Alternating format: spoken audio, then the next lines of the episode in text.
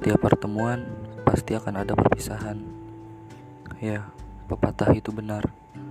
Cepat atau lambat, sekarang ataupun nanti, bahkan hidup atau mati, kita akan mengalami yang namanya perpisahan.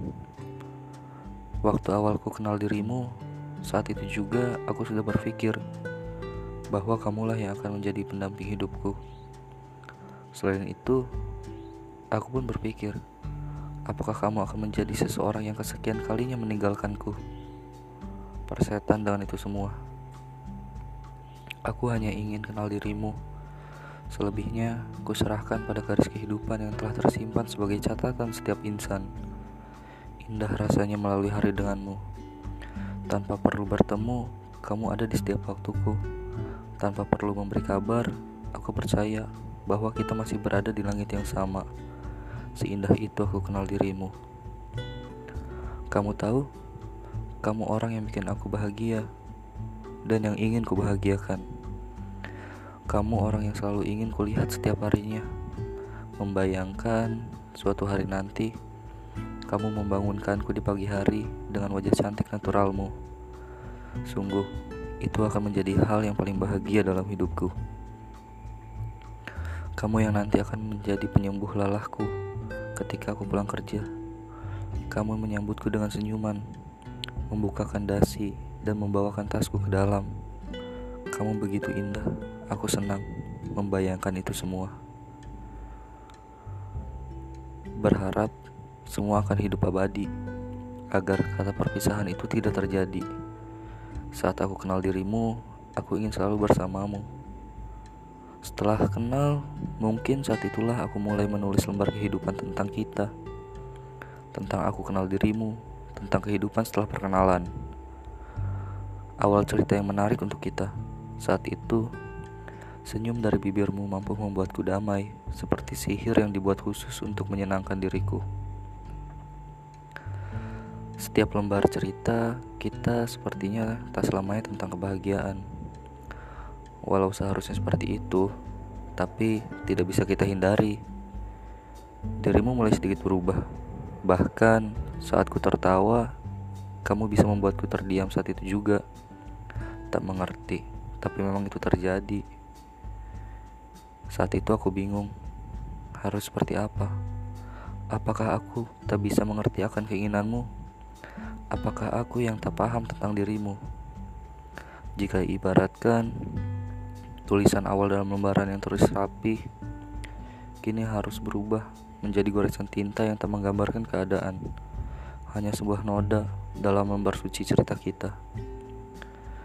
Mungkin kamu punya masalah yang tak perlu aku tahu. Tapi, apakah kamu pernah tahu aku punya perasaan untuk kamu?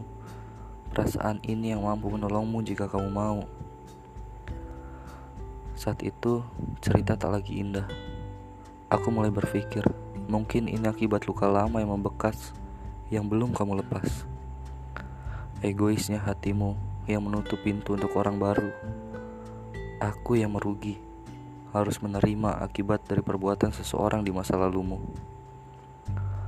Sekeras apa pun berusaha, aku pada akhirnya tetap tidak bisa menembus hatimu.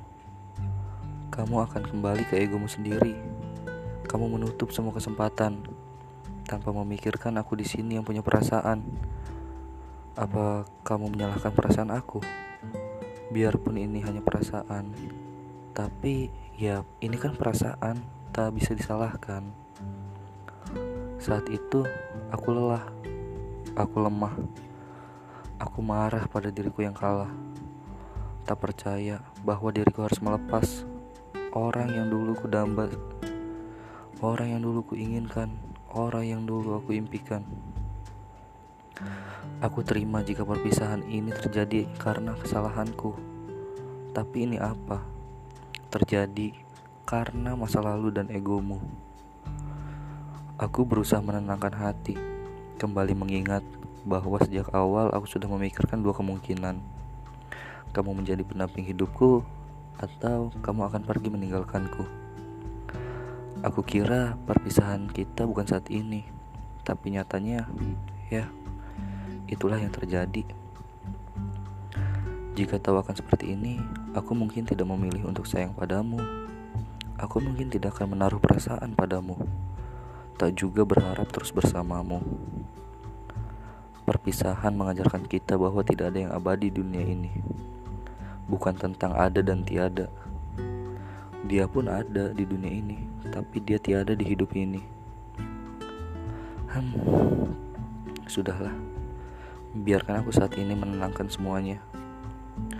Biarkan aku mengenang semuanya dulu Sampai aku puas sebelum nantinya kenangan ini aku lepas Karena aku tahu masa depan masih menantiku Dan aku tidak mau membawa kenangan untuk berjalan ke masa depan Tentang dirimu yang pergi, tenang Aku cukup dewasa menghadapi ini.